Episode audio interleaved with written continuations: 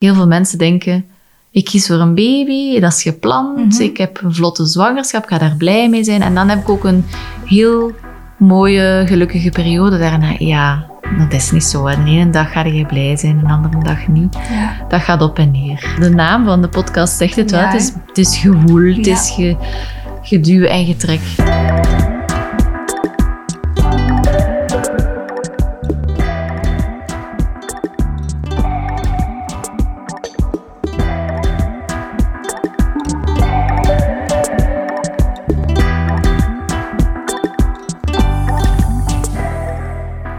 Vandaag hebben we in de podcast opnieuw Anne-Sophie van Parijs. Welkom. Goedemorgen. Goedemorgen. Misschien fijn om je nog eens kort voor te stellen voor Ja. de luisteraars. Ik ben Anne-Sophie. Ik ben vroedvrouw, een eh, psychotherapeut en een seksuoloog. Mijn job zit momenteel in twee stukjes. Enerzijds ben ik de coördinatie aan het doen van een project rond mentale zorg. Daar proberen we in heel Vlaanderen eigenlijk ervoor te zorgen dat in de gewone opvolging van de zwangerschap dat er ook vragen rond dat mentale stuk komen. En daar werken we intensief voor samen met de collega's van Born in Belgium. Dat is zo'n online instrument die zorgverleners daarvoor kunnen gebruiken. En welke vragen stelden, wat gaat het, hoe gaat het daarover babbelen als zorgverleners met elkaar. Dus dat is de ene helft van de week. En de andere helft van de week ben ik als psychotherapeut aan het werken. Eén dag in een eh, vroedvrouwpraktijk hier in Brussel. En één dag in een ziekenhuis. Waar ik eigenlijk vrouwen, mannen, koppels, babytjes zie die het emotioneel lastig hebben in de periode rond de zwangerschap. Dus dat is zowel miskramen als depressies, als trauma, als mensen die last hebben van dwang. Ehm, dus alle, ongeveer het hele palet, maar wel eigenlijk alleen gericht op dat Perinatale. Ja, ja. Ook postnataal. Ook postnataal. En mensen die niet zwanger worden of fertiliteit. Dus het heeft altijd met die reproductieve fase te maken. Oké. stukje. Nog steeds Ja. heel druk bezet. Ja, aangenaam, hè? En we gaan het met jou vandaag hebben, inderdaad, rondom ja, de meest voorkomende complicatie en eigenlijk de perinatale periode. Ja. Het eh, mentale stukje. Ja. ja, heel veel mensen denken... Goh, als je denkt aan problemen in de zwangerschap, dan denk aan premature geboortes en ehm, zwangerschapsvergiftigingen en heel veel fysieke dingen die zouden mislopen. Eh, maar eigenlijk weten we dat de grootste complicatie en ook de grootste doodsoorzaak in onze westerse setting die mentale problemen zijn.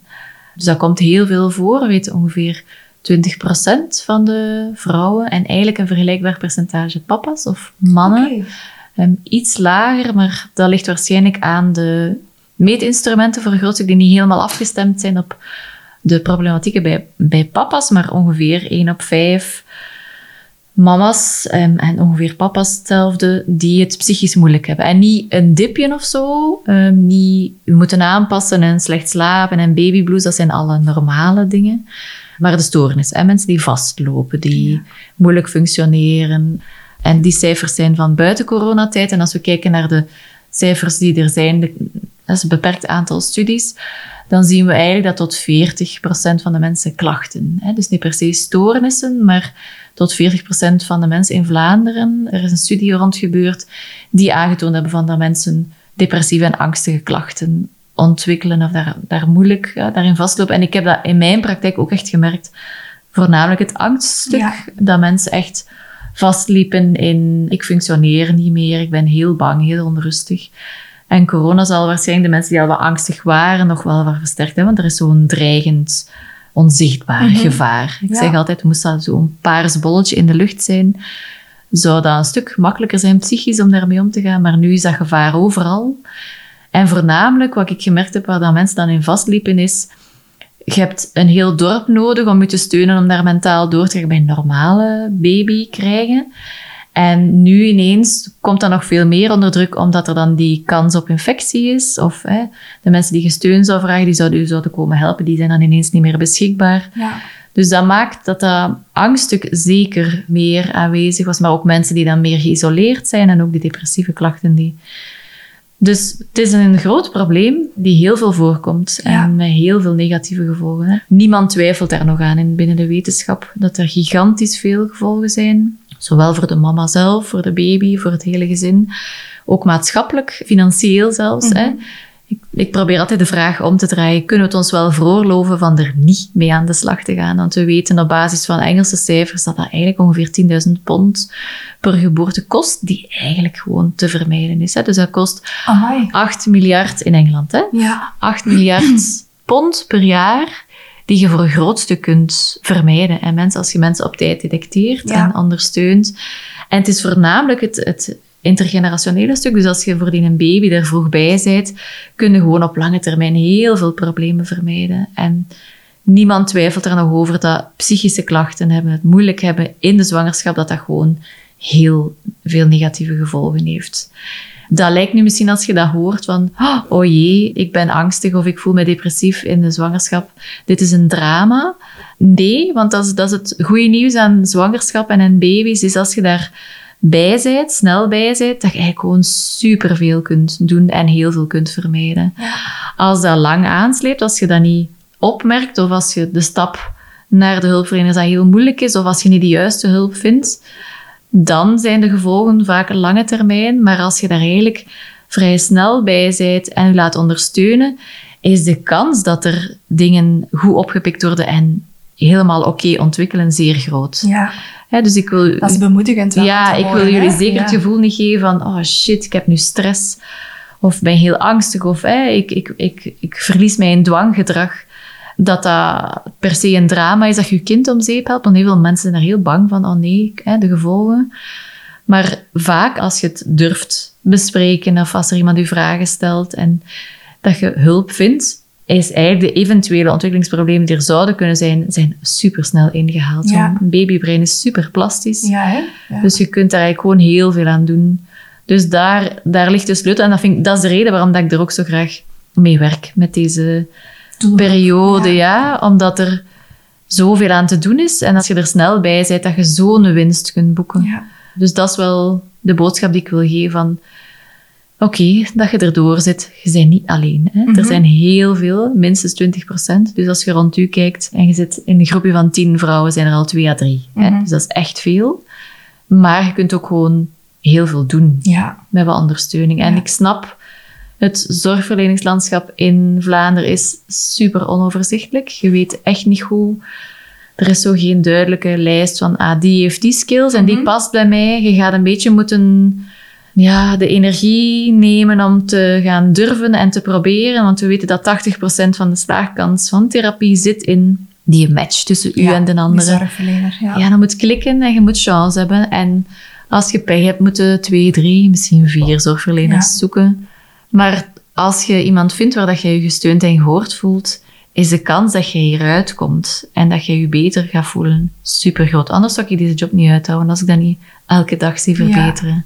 Denk dat dat inderdaad bemoedigend is om te horen. Ik denk dat het ook wel interessant is om, eh, om heel even terug te gaan van wat, wat veroorzaakt nu eigenlijk die psychische klachten in die perinatale periode? Ja, het onderzoek is daar nog altijd niet eenduidig. Er zijn heel veel pistes in hormonale veranderingen, veranderingen in de immuniteit. Hè, want je lichaam, als je zwanger bent, eh, daar, zit dan, daar groeit dan een vreemd lichaam. Dus je, je lichaam, zijn immuniteitssysteem gaat wat onderdrukt worden omdat je dat vreemd lichaam, die baby, dan niet zou afstoten. Dus daar zijn hypotheses, hè, die veranderingen in immuniteit, dat daar dingen zou zijn. Goh, sociaal verandert er heel veel. Puur in je brein verandert er heel veel. Je hebt een genetische factor. Hè? Je hebt toevallig misschien een mama die ook gevoelig is aan depressie. Of je hebt toevallig die kwetsbaarheid in de familie. Dus er zijn heel veel redenen die ervoor zorgen dat u dat overkomt. Ja. Ehm, dus dat is niet iets waar dat je zoiets van hebt. Haha, nu sta ik op en nu ga ik eens goed depressief worden. Nee, dat, dat gebeurt. Net Dat zoals dat je echt, ja. Ja, net zoals dat je buiten gaat en je valt en je breekt je been. Mhm. Ik vergelijk het heel vaak met van die fysieke dingen, omdat dat voor veel mensen soms makkelijker is om te snappen. Als je been breekt, dan gaat je ook naar de dokter, Mhm. gaat daar ook een foto van genomen worden, gaat ook een gips, de rolstoel, wie weet, En krukken. valideren. Ja. En er komen ook mensen nu huishouden overnemen. En hey, dat is nu exact hetzelfde als jij het mentaal moeilijk hebt, als je psychisch gevallen bent en dat je gekwetst bent en dat je ook gesteund moet worden en hulp krijgen en de juiste ondersteuning en medicatie. Dus dat is hetzelfde. ja. Maar je kiest daar niet voor. Nee, hè. En dat is iets wat we, ja, denk ik, allebei in het werkveld zijn, wel, wel heel hard zien. Het onbegrip van Hmm. een omgeving uit vaak, omdat wij een zwangerschap en die postnatale periode ja, standaard linken aan geniet ervan, Ja. de roze wolk. Of je hebt die gezonde baby, waar heb jij dan om over te klagen? Ja. Of om je depressief over te voelen? Ja, daar zit nog heel wat maatschappelijke druk op. Hè? Mhm. Ehm, een baby krijgen, als je dat vertelt, hè, dat je zwanger bent. Oh, fantastisch, geniet Ja, geniet ervan. ervan. De schoonste tijd van je leven. En dat is deels ook zo. Dat is ook een heel fijne periode, maar dat is deels ook, potverdorie, heel lastig en heel moeilijk. Er is geen enkele fase in je leven die alleen maar rozen is. Nee, voilà. Er zijn ook donkere kantjes aan. Ik ben blij dat er nu stilaan meer en meer ook in de media aandacht voor komt. Dat het niet alleen positief is, maar dat wel mensen wel de boodschap krijgen van geniet ervan. Het is zo'n toffe periode. En er zijn heel veel mensen die zoiets hebben van ja, sorry, maar dat was echt gewoon heel moeilijk en Mhm. lastig en vervelend.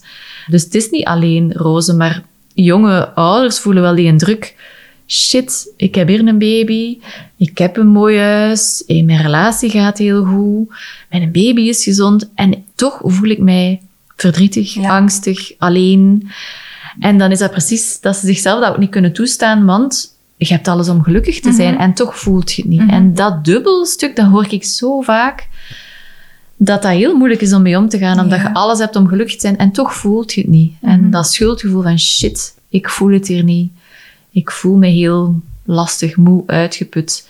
Of ideeën van ik wil die een baby niet, oh jee, wat heb ik gedaan? Stomste spijt, beslissing van mijn ja. leven. En dat wordt zelden uitgesproken. En vaak als mensen dat kunnen uitspreken en als er kan op gereageerd worden, dan hé, hey, je bent echt niet de enige die dat denkt. Ik heb bijvoorbeeld, als mijn oudste geboren is, echt gedacht, oh my god, dit 18 jaar, ik hou dat nooit uit. Stomste beslissing van mijn leven. En gelukkig verschuift dat en is die eerste fase, wordt die minder intensief. Maar er is echt bijna niemand, denk ik, die nooit denkt van shit is lastig of oh, wat heb ik nu gedaan? Waar ben ik aan begonnen? Waar ben ik aan begonnen? je weet dat pas als je doet. En zelfs als al gaat voor een tweede, een derde, een vierde. Ook dan springde en gaat het pas voelen wanneer dat je het voelt. En kunnen nooit op voorhand perfect inschatten. Dat gaat mij helemaal afgaan. Mhm. Je weet Wat dat het gewoon met jou gaat doen. Nee. Nooit. Ik denk dat dat heel geruststellend is langs een kant om te horen voor de luisteraars. Heb je ook tips voor de mensen die luisteren en die inderdaad die dualiteit herkennen? Ja, als ze erin slagen om die dualiteit toe te staan aan zichzelf. Sommige mensen gaan daar opgelucht door zijn door dat te kunnen bespreken. Maar dan zou ik wel nadenken met wie. En als je het gevoel hebt in je omgeving, goh, die mensen gaan daar misschien niet begripvol op reageren of oordelend, en je kunt dat zelf goed inschatten, dan is het misschien een idee om het gewoon eens op te schrijven voor jezelf en te verscheuren en weg te gooien. Het feit dat je het kunt toestaan van het is oké om die dubbelheid te hebben. Ik ben niet de enige. Die ambivalentie, die dubbele gevoelens zijn helemaal oké, zijn normaal. Ik word niet gek, ik Mhm. verlies het niet.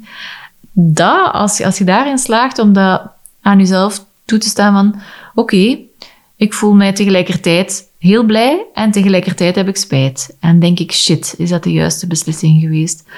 Daar gaat iedereen door en dat is kei normaal. Ja. Maar het is een proces, hè? dus verwacht niet van jezelf dat er een soort van knopje in je hoofd is die je daar kunt omdraaien. Of was het maar, hè? zou het maar zo Ja. handig zijn. Knopje, voilà, ik heb het nu omarmd, ook die dubbelheid. Nee, dat gaat een worsteling zijn, maar als je dat kunt toegeven en als je daarover kunt praten met je omgeving en je hebt het geluk van mensen te hebben die begripvol zijn en gewoon luisteren, denk ik dat dat al superveel kan doen. Absoluut. Ja. Maar het is, het is niet tof of zo, hè? Nee. Nee. Het is worstelen. Ja. Ja, ik moest denken aan eh, het worstelen, dat, dan de naam van de podcast zegt het wel. Ja, Het is, het is gewoel, het is ge, geduw en getrek. Heel veel mensen denken, ik kies voor een baby, dat is gepland, Mhm. ik heb een vlotte zwangerschap, ik ga daar blij mee zijn. En dan heb ik ook een heel mooie, gelukkige periode daarna. Ja, dat is niet zo. hè. De ene dag ga je blij zijn, de andere dag niet. Ja. Dat gaat op en neer. ja. En dat is dubbel. En ik denk dat het ook heel belangrijk is dat we wel benoemen, ondertussen een postnatale depressie, dat is iets wat heel veel mensen wel al beginnen te kennen. Mhm. Iets wat maatschappelijk meer en meer Ja. aanvaard wordt, gelukkig. Maar een prenatale depressie, Dat is gelijk nog moeilijker, ja, hè? We spreken eerder eigenlijk over een perinatale Ja. depressie, omdat we weten toch dat, dat, dat het heel vaak al in, In die zwangerschap, brede. Ja. of zelfs bij, rondom die conceptie al... eh, Of ervoor zelfs. begint, Zeker en hè. vast. Ja, ja. We weten dus dat die gevoelige periode voor depressies eigenlijk van een jaar voor de zwangerschap, tijdens en een jaar na. Hè, dus dat is veel breder. En perinataal, dat klinkt zo'n moeilijk woord. hè. Dat, als professional is dat gelijk meer en meer ingeburgerd, maar dan nog. Hè. Dus eigenlijk is het een gevoeligheid voor depressie die in die periode, in die brede periode rond de zwangerschap zit. We weten dat mensen die al depressieve gevoelens hebben in de zwangerschap, ehm, dat dat vaak blijft voortduren postnataal. En als het al in de zwangerschap aanwezig is, dat dat vaak de ernstigere postnatale depressies zijn. Dus eigenlijk willen we die theoretische opdeling tussen voor en na de bevalling niet maken. Het is gewoon die brede periode. Maar het hangt wel aan elkaar. Hè? Dus heel vaak mensen die dan precies dan ineens drie maanden na een bevalling ineens een depressie ontwikkelen. Als je wat gaat terugkijken, zie je daar eigenlijk al signalen of al wat tekens die al in de zwangerschap zijn. Dus dat is wel, gooi dat liever gewoon op één Ja. grote hoop. En ik denk vandaar ook het belang dat we als zorgverleners in die perinatale context, dat we in die zwangerschap of in een fertiliteitstraject, Ja, dat we daar gewoon zeker. actiever aandacht aan gaan besteden. Hè. Want gelukkig is er al, allee, we hebben een supergoeie zorgverlening rondom heel dat fysieke stuk. Maar jammer genoeg vergeten we dat mentale stukje wel. Hè. Ehm, of Ja. denken ook zwangeren of wensouders zelf dat dat stukje niet de aandacht verdient. Ja, de context is er vaak ook op georganiseerd. En je komt in een consultatie waar dat dan een echotoestel staat en een onderzoekstafel en een bloeddrukmeter. En dus je verwacht ook dat dat, dat somatische, dat fysieke stuk, dat dat allemaal goed gecheckt wordt. Maar eigenlijk de ruimte voor het mentale. Ik merk wel hè, dat er in de hoofden van veel professionals dingen verschuiven, maar ook in de opleiding. Je bent heel erg opgeleid als zorgverlener om dat fysieke Ja. af te lopen, te checken. En de training om dat stil te staan bij dat mentale is beperkt. Daar verschuiven dingen. En er zijn heel veel professionals die dat belang absoluut inzien, maar die nog wat zoekende zijn, die zelf ook misschien worstelen met oei, mag ik dat wel vragen? En dat is misschien taboe. En wie weet gaat die mevrouw en die meneer gaan die beledigd zijn of kwaad zijn. Maar we weten dat heel veel mama's en papa's ook gewoon heel blij zijn als ze die vragen krijgen, want de grootste gevolgen, hè, dus die fysieke gezondheid heeft een impact, maar we weten dat die mentale gezondheid minstens even groot, waarschijnlijk zelfs nog een grotere fysieke gevolgen heeft. Hè. Dus niet alleen mentale gevolgen, maar ook op die fysieke zwangerschap heeft dat ook gevolgen, die mentale gezondheid. Dus daar, ja, daar mogen we nog wat meer, denk ik, nog wat aandacht voor hebben. Maar daar is ook een soort van groei in skills of durf of vertrouwen van de professional uit van. Mag ik dat bevragen? Ja, want ik denk dat heel veel eh, professionals in deze context het wel zullen herkennen. Je voelt het wel vaak. Ja. Zeker als je iemand zo intensief opvolgt gedurende een periode in, eh, zijn, in zijn of haar leven. Je voelt wel vaak, Ja. hier zit meer onder. Maar de durf om het dan ook te benoemen of te bevragen, is, is soms wel moeilijk. Hè? Kei moeilijk. En we mogen ook niet verwachten, dat weten we ook, dat je als zwangere vrouw of als koppel, dat je dan ook maar de moed vindt om het zelf te benoemen. Eén, om het al door te hebben, van wat zijn die dubbele normale gevoelens en vanaf wanneer wordt het problematisch of hè, wanneer loop ik erin vast. Dat is als professional al moeilijk om het verschil te maken van oké, dit is aanpassing, dit is stoornis. Laat staan dat je dat zelf Ja. ziet. Hè. Dus we mogen helemaal niet verwachten als zorgverleners dat die mama's en die papa's dat gewoon zelf brengen. Je kunt het soms merken, maar er zijn ook heel veel mensen die met zware psychische klachten worstelen, waar dat je dat niet aan ziet. Hè. Daar plakt geen etiketje, dat zou heel makkelijk Ja. zijn. Maar dat is niet zo. Je kunt dan fysiek, dat is niet dat je daar een soort van, hè, als er iemand een arm gebroken heeft, dan ziet je een plaaster. Mhm. En dat is ook wat ook heel veel mensen mij teruggeven. Kon het maar dat ik een plaaster heb, Mhm. veel liever dat, want dan zou mijn omgeving zien dat er een probleem is en daar rekening mee houden. Dus het is niet zichtbaar of zo. Dus we moeten het gewoon standaard aan iedereen bevragen. En misschien hebben jullie gemerkt dat dat nog niet het geval is. We zijn er hard aan aan het werken, maar ik ben ervan overtuigd dat zeker niet alle zwangeren daar vragen naar krijgen. En we weten de meest krachtige interventie die je kunt doen om dat mentale stuk te doen, is gewoon vragen stellen. Ja. En als je als mama of papa helemaal niet klaar bent om daarop te antwoorden, je ziet het misschien niet, je wilt het wegduwen omdat je wilt overeind blijven. Je vertrouwt de persoon niet waar dat je mee aan het praten bent. Je bent er nog niet aan toe. Oké, dat is prima om het niet te willen delen. Maar dan heb je wel het signaal gekregen van, hey, ik heb hier aandacht voor. En als je daar op een ander moment aan toe zit, kun je daar bij mij voor terecht. En dat is de essentie. Dat is waardevol, hè? Ja. Echt superbelangrijk. Ik, uh, ik had onlangs ook een koppel in de praktijk die ik begeleid had in hun eerste zwangerschap, waarbij wij inderdaad ook rond 16 weken het assessment overlopen. Mhm. En dan op de consultaties nadien telkens benoemde ik het ook en, en peilde ik eventjes naar hun mentale welzijn. Die toen geen klachten hadden. En ze zei nu in haar tweede zwangerschap van ja, ik herinner mij, de vorige keer, je ging naar Alkmaar, Mhm. je besteedde daar zoveel aandacht aan en ik dacht, ja, ze is daar weer. Ze. Ja. Maar ze zei, ik heb wel in die postnatale periode daar heel vaak aan gedacht. Ja?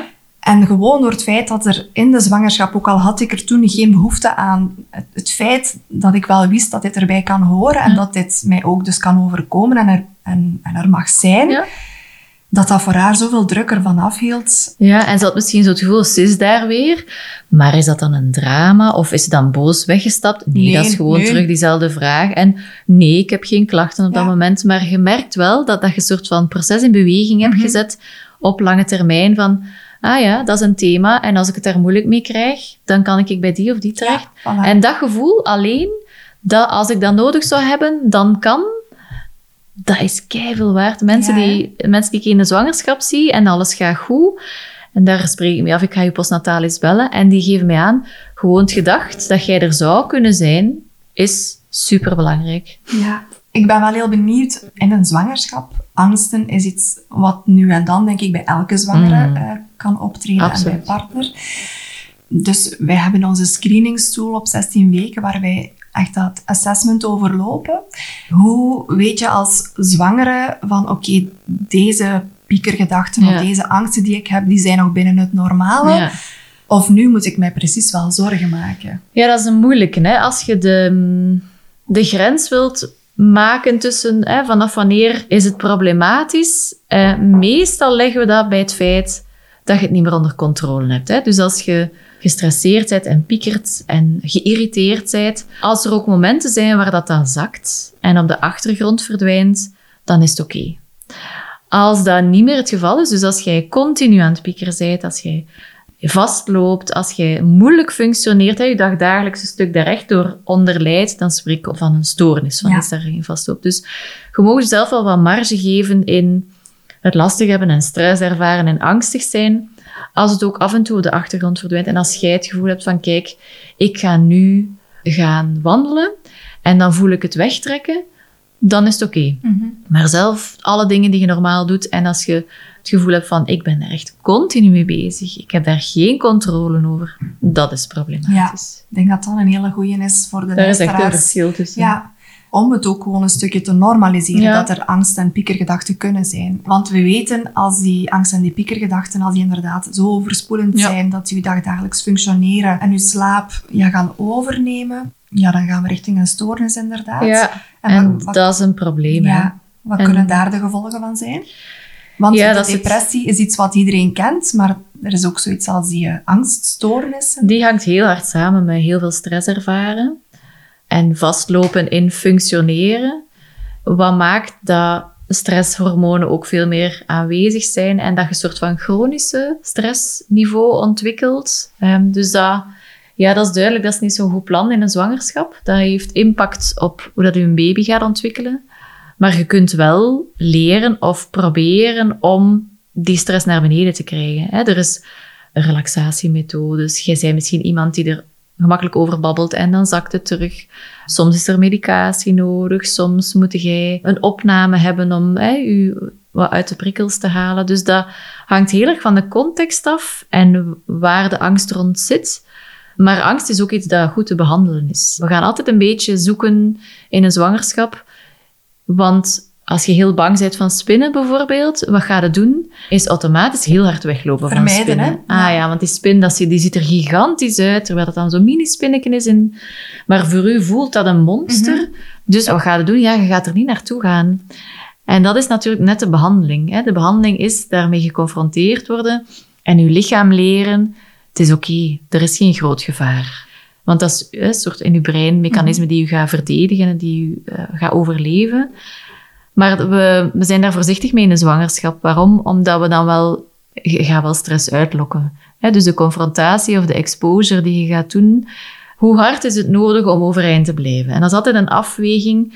Zijn mensen continu gestresseerd en lopen ze vast en functioneren ze niet? Is die stress toch heel hoog? Dus of dat er nu nog met die therapie extra bij komt, gaat dat waarschijnlijk het grote verschil niet zijn. Mhm. Maar zijn dat mensen waar dat, dat stressniveau ook af en toe nog zakt en blijven ze op de een of andere manier wel overeind en functioneren ze, dan gaan we eigenlijk gaan zoeken naar hoe kunnen we zo goed mogelijk die zwangerschap doorkomen. Ja.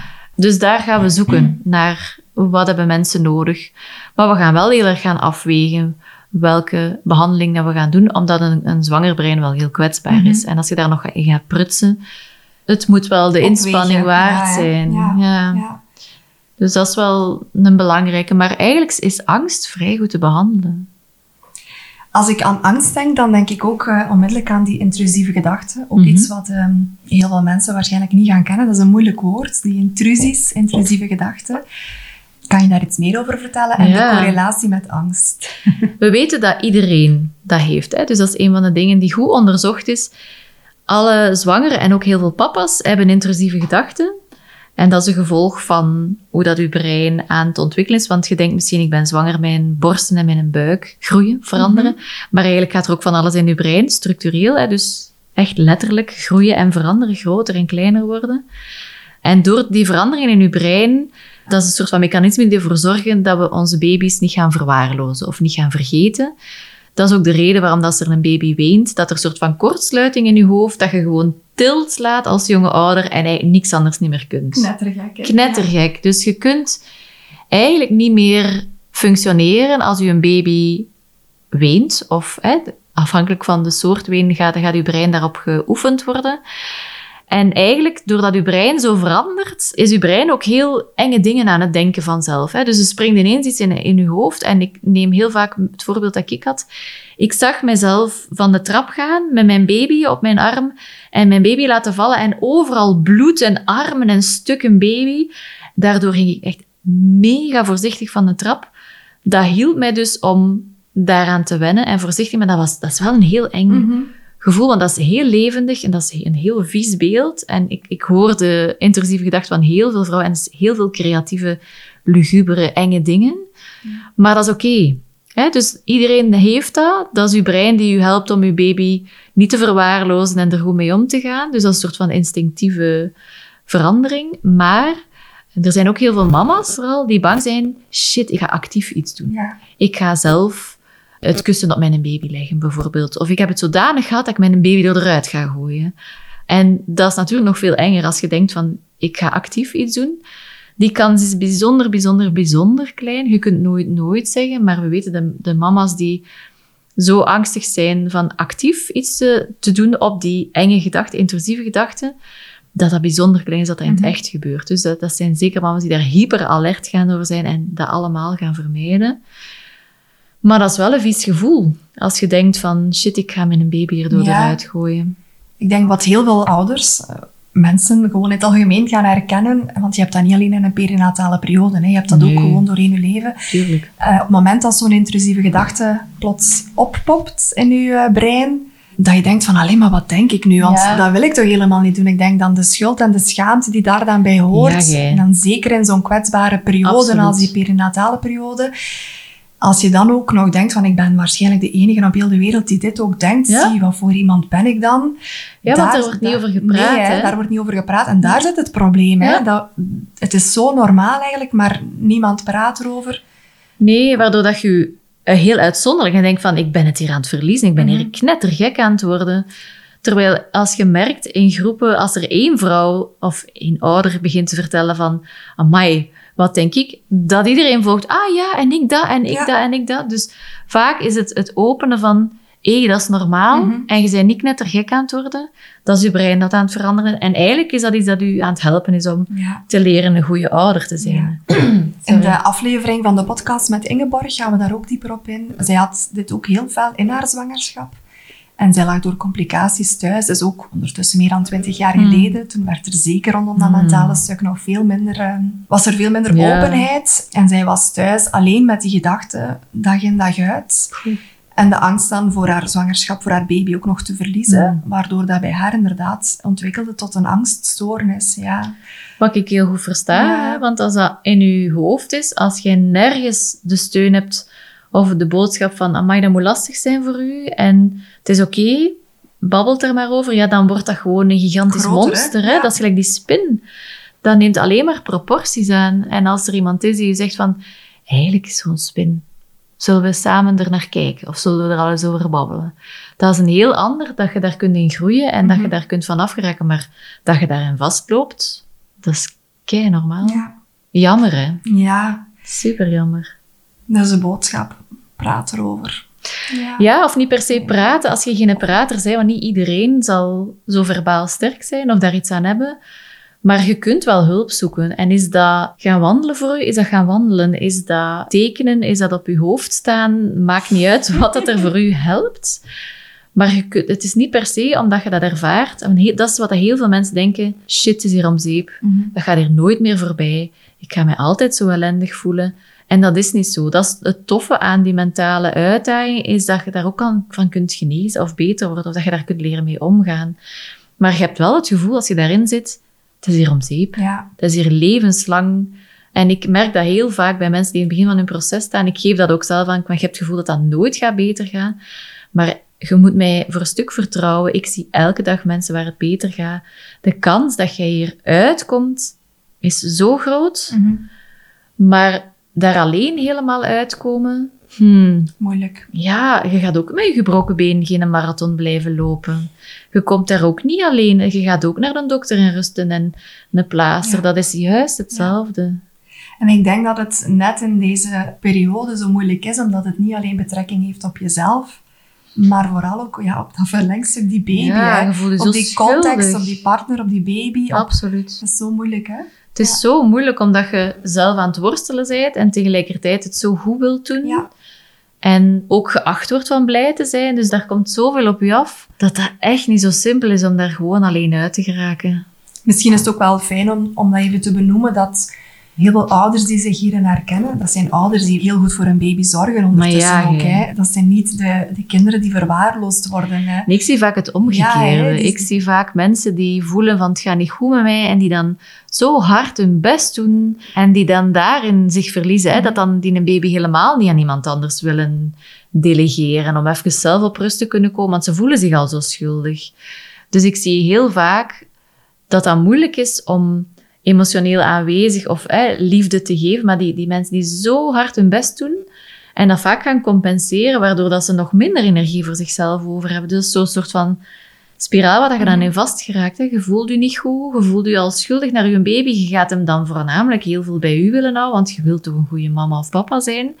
Waardoor dat je natuurlijk nog minder energie hebt. En dan, daar lopen mensen vaak in vast. Als er iemand kan overnemen en dat je even op je plooi kunt komen en wat ademhalen en gewoon wat bijtanken, ja, dan ga je misschien nu ook wel wat beter voelen en misschien dan ook wel wat minder schuldig zo. Het is dat doorbreken van die, Ja. die cirkel, dat is niet simpel. Nee, hè? Hmm. Heb je tips voor de partners die luisteren en die zich herkennen in dit verhaal? Ehm, je partner verdrietig of angstig zien, dat is kei moeilijk. Je ziet Mhm. daar zelf ook af. Dus die gaan dat willen oplossen. Of die gaan dat willen helpen. En heel vaak die goed bedoelde, ja, maar zou dat niet minder werken? Of ik heb je toch gezegd, je zou toch, geeft geen borstvoeding niet meer, hè? Geef maar flesvoeding, dan zal ik kunnen. Dat is iets dat ik heel vaak hoor. Dat helpt niet. Dat is vaak heel goed bedoeld. Mhm. ehm, maar het enige wat je wilt als je je niet goed voelt, is iemand die naast u staat en zegt, amai, ik zie dat het lastig is. Is er iets dat ik voor u kan doen? Nee, je kunt mij niet helpen. Oké, weet dat ik er ben en dat ik u ga steunen. En eigenlijk gewoon dat luisteren, dat is gelijk als je een drukke dag hebt gehad op het werk. Het enige dat je wilt is gewoon en niet iemand die afkomt met zeg, ik heb u toch gezegd A, B, C of D. Dus gewoon luisteren of er zijn, het huishouden wat overnemen.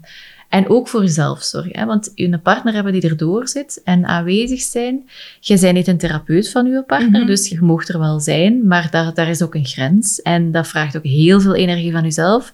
Dus als jij er iets aan hebt om nog een toerke te gaan doen en wat te gaan joggen, en ook nog gewoon op je gemak nog een uurtje op café te gaan, of maakt niet uit, doe dat alsjeblieft vooral, want uw gezin, uw vrouw, uw partner, uw baby heeft er echt niks aan dat je er alle twee door Mhm. zit. Dus dat zelfzorgstuk is super, super belangrijk. Ik merk heel vaak dat als in een koppel een van de twee depressief is, vanaf dat dat depressieve stuk een beetje beter gaat, zie je dat heel ja. vaak verschuiven. Ja. Dan knakt de andere. Ja. Dus dat er een soort van mechaniek in een koppel waar dat de ene zich dan sterk houdt en dan soms of vaak over de eigen grenzen gaat. En dat is toch wel echt samenleven met iemand die er mentaal door zit. Oh jee, dat vraagt gigantisch veel. Dus ook daar die extra krukken en plaaster en steun om daar ook in te helpen, omdat dat niet simpel is. Mhm. Maar eigenlijk gewoon er zijn Mhm. en het niet oplossen, want je kunt het niet oplossen in de plaats van de ander. Je zou dat graag doen.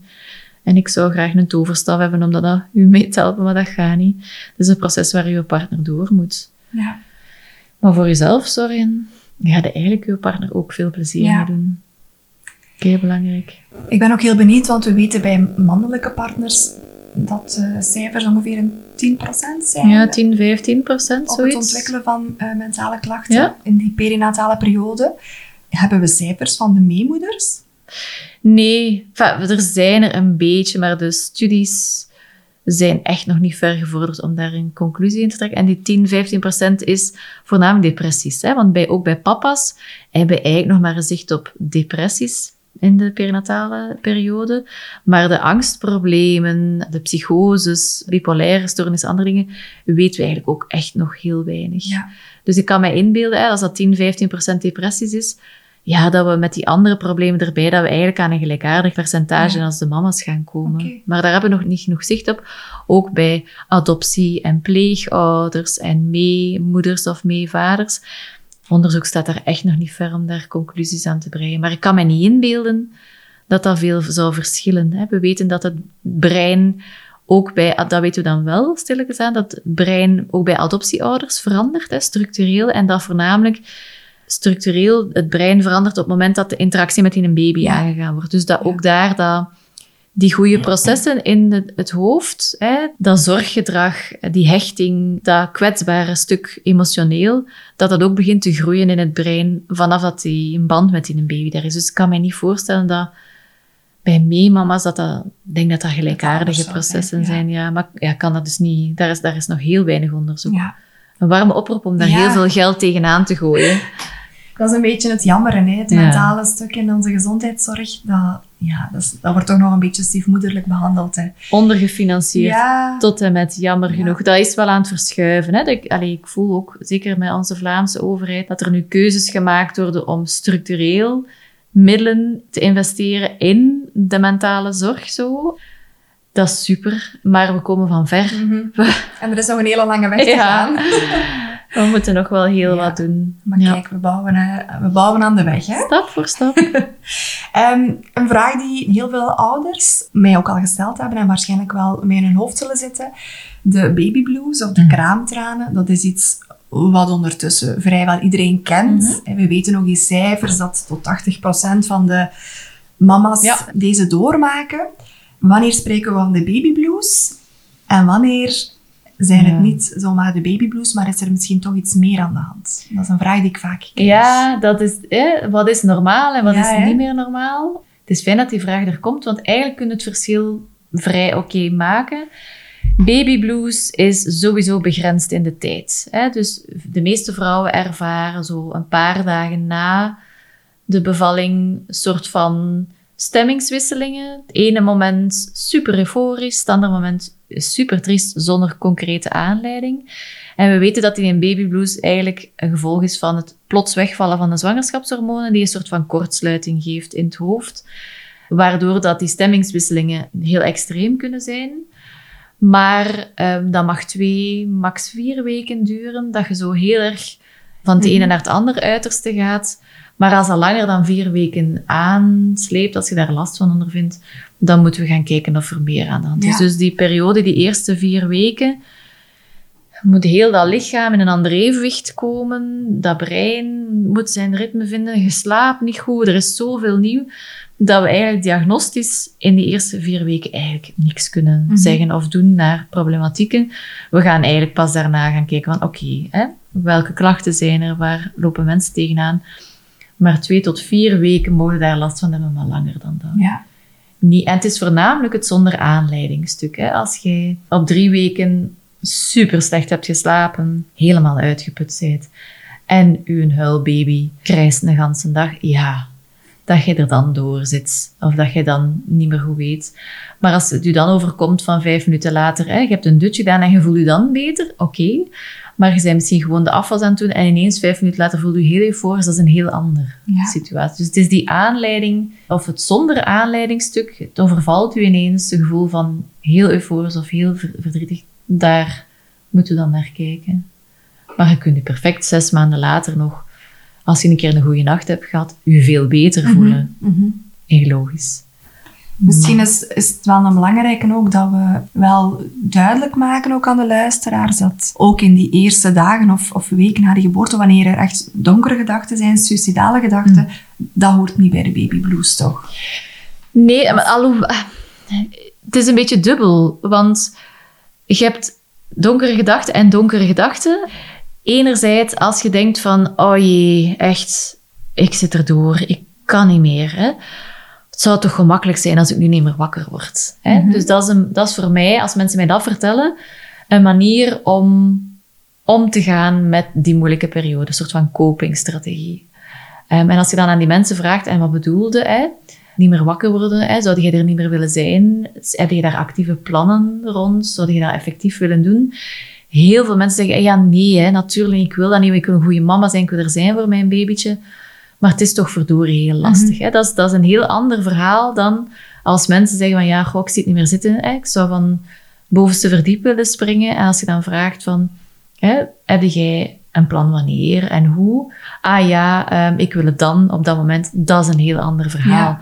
Dat zijn zelfmoordgedachten die eigenlijk al richting plannen aan het gaan zijn. Dat is problematisch en niet oké. Maar die idee van, oh, het is zo moeilijk en ik wil gewoon blijven slapen. Of het zou toch gemakkelijk zijn als ik er niet meer ben. Dat wil niet per se een groot alarmteken zijn. Het is wel een teken dat je erdoor zit Mhm. en dat het heel lastig is. Dus daar moet iets mee gedaan Ja. worden. Maar wil dat dan ook zeggen dat er hè, drama's gaan gebeuren? Nee, niet altijd. Het kan ook gewoon een manier zijn om Ja, met die moeilijkheden om te gaan. oké. Maar er is dus wel een verschil. Maar dat is ook kwestie van daar op te durven doorpraten. En te, Ja. Want daar hangt ook wel heel wat taboe nog Ja. rond. Hè. Ja. Ja, want ik heb, ik heb een opname gedaan met een mama die op de materniteit nog, dus echt heel, heel pril na de geboorte, dat ook echt aangaf en dat uitsprak. Ja. Maar het werd inderdaad heel makkelijk onder de mat geveegd als, ja, dat zijn de baby blues. Ja, en dat is aan de andere ja, kant, hè, hè. Waardoor ze zich net eigenlijk Niet herkend. Ja, niet herkend voelden en niet serieus genomen werd. Ja. Iedere gedachte rond zelfmoord of iedere gedachte rond uw kindje iets aandoen is belangrijk. Hè? Mhm. Dus daar moeten we zeker op ingaan. Of dat dan nu per se een acuut dreigend gevaar is, dat moeten we dan maar proberen inschatten. Maar iemand die aangeeft van, ik kan niet meer, het gaat niet. Ja, dat is duidelijk een vraag om hulp. Mhm. Ehm, dus daar moet op inpikken. En of dat nu vasthangt aan een babyblues of niet, dat maakt eigenlijk niet uit. Als je erdoor zit, als het niet gaat, dan moet je dat kunnen uitspreken en moet je je gesteund voelen. Ja, ja. Ik denk dat dat een heel belangrijk is dat we meegeven. Hè? Ja. Absoluut. Dat verschil, je moet dat al- eigenlijk altijd een beetje in de context zien. Mhm. Je, moet, je kunt dat één van ik zit erdoor, het gaat niet meer. Je kunt dat pas inschatten als je het- de hele situatie ziet en hoort. Samen met die mama en die papa. Want heel vaak zijn zij zelf de beste barometers van... Is dit oké? Kunnen we dan nog? Mhm. Hoeveel rek zit erop? Wat Ja. hebben we nodig? En heel vaak, als je dat gewoon vraagt, die weet dat keigoed. En dan moeten wij daar gewoon aan aanhaken. Als, Ja. Maar om, om het te kunnen zien, moeten we er inderdaad naar willen kijken. Hè? En naar willen luisteren. En doorvragen. Ja. En dat is eng, hè? Iemand die denkt om uit het leven te stappen, daar gaat een soort van overlevingsstuk Mhm. bij jezelf ook. Oh jee, oh jee, hier, oeh, ah, help, help. Mhm. Ehm, Klopt. Ja. Maar dat helpt niet om daar in paniek rond te schieten. Maar het is wel een, dat kan perfect een heel logische menselijke reactie zijn als professional. Oh shit, wat moet ik hier nu mee doen? Die je kunt voelen, hè? Aan Mhm. de andere kant van, oei, die blokkeert er hierop. Dus niet iedereen voelt zich daar comfortabel bij of durft dat, maar het is, het is net erover babbelen die ervoor zorgt dat je eruit gaat. Ja, dat er een stuk van die lading afgaat. Hè? Ja. Heb je tips voor de luisteraars die zich herkennen of die iemand in een omgeving hebben die het moeilijk heeft in, in deze perinatale context? Waar, waar kunnen zij terecht Wat kunnen ze doen?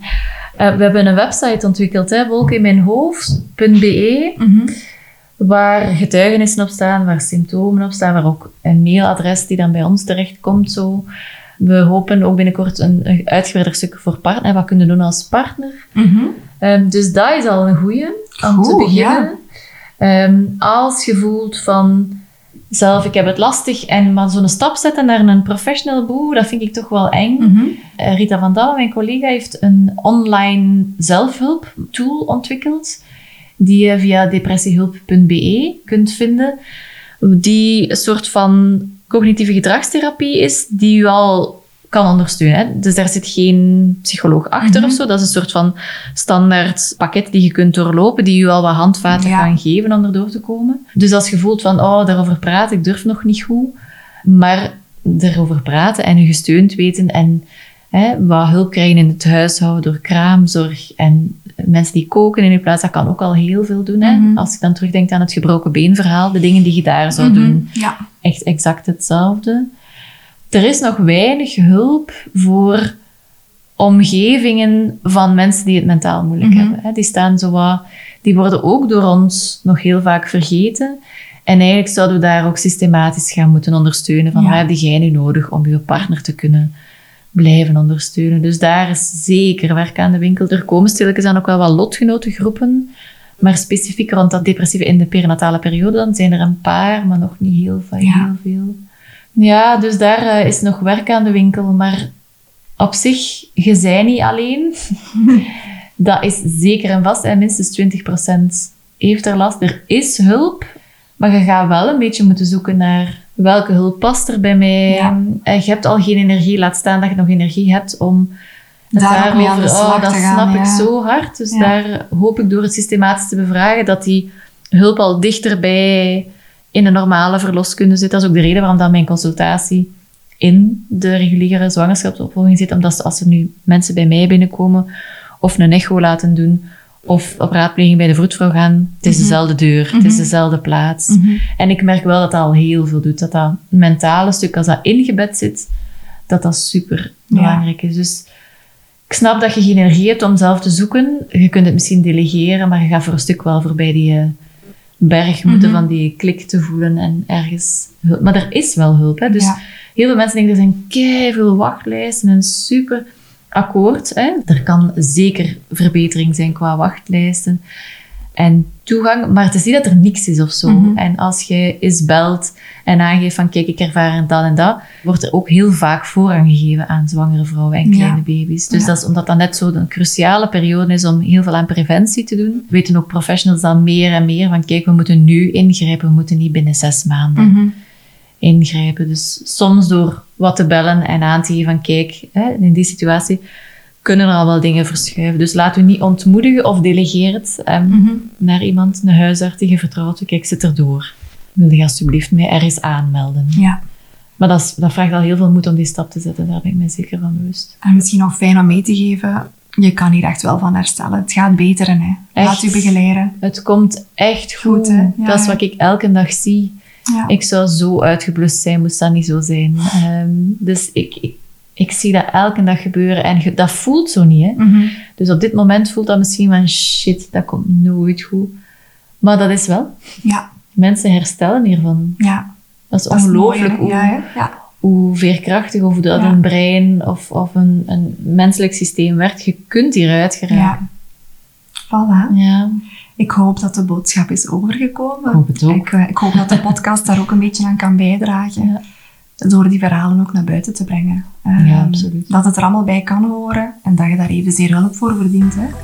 Ja, ja, Ah, ik vind het mooi dat je verdient zegt, hè? want eh, je zei het waard. Dat is echt Ja. oké. Ja, Zelf al zitten er helemaal door, dat is super, jij verdient dat ja zo. voilà. Ja. voilà. Dankjewel, Anne-Sophie. Met veel plezier. Kijk zeker in de show notes waar ik nog een aantal interessante websites toevoegde voor zij die nood hebben aan extra ondersteuning. Je kan me nog steeds contacteren via mijn website of Instagram. Verder wil ik jullie er attent op maken dat mijn online geboortecursus in december gelanceerd wordt. Voor meer info kan je de vorige podcastaflevering beluisteren. Vergeet je niet op de wachtlijst te zetten voor een early bird aanbieding. Je kan de podcast nog steeds steunen door eenvoudig een review te plaatsen in de app waar je nu luistert. Deel de podcast met iedereen die hier iets aan zou kunnen hebben en dankjewel om te luisteren.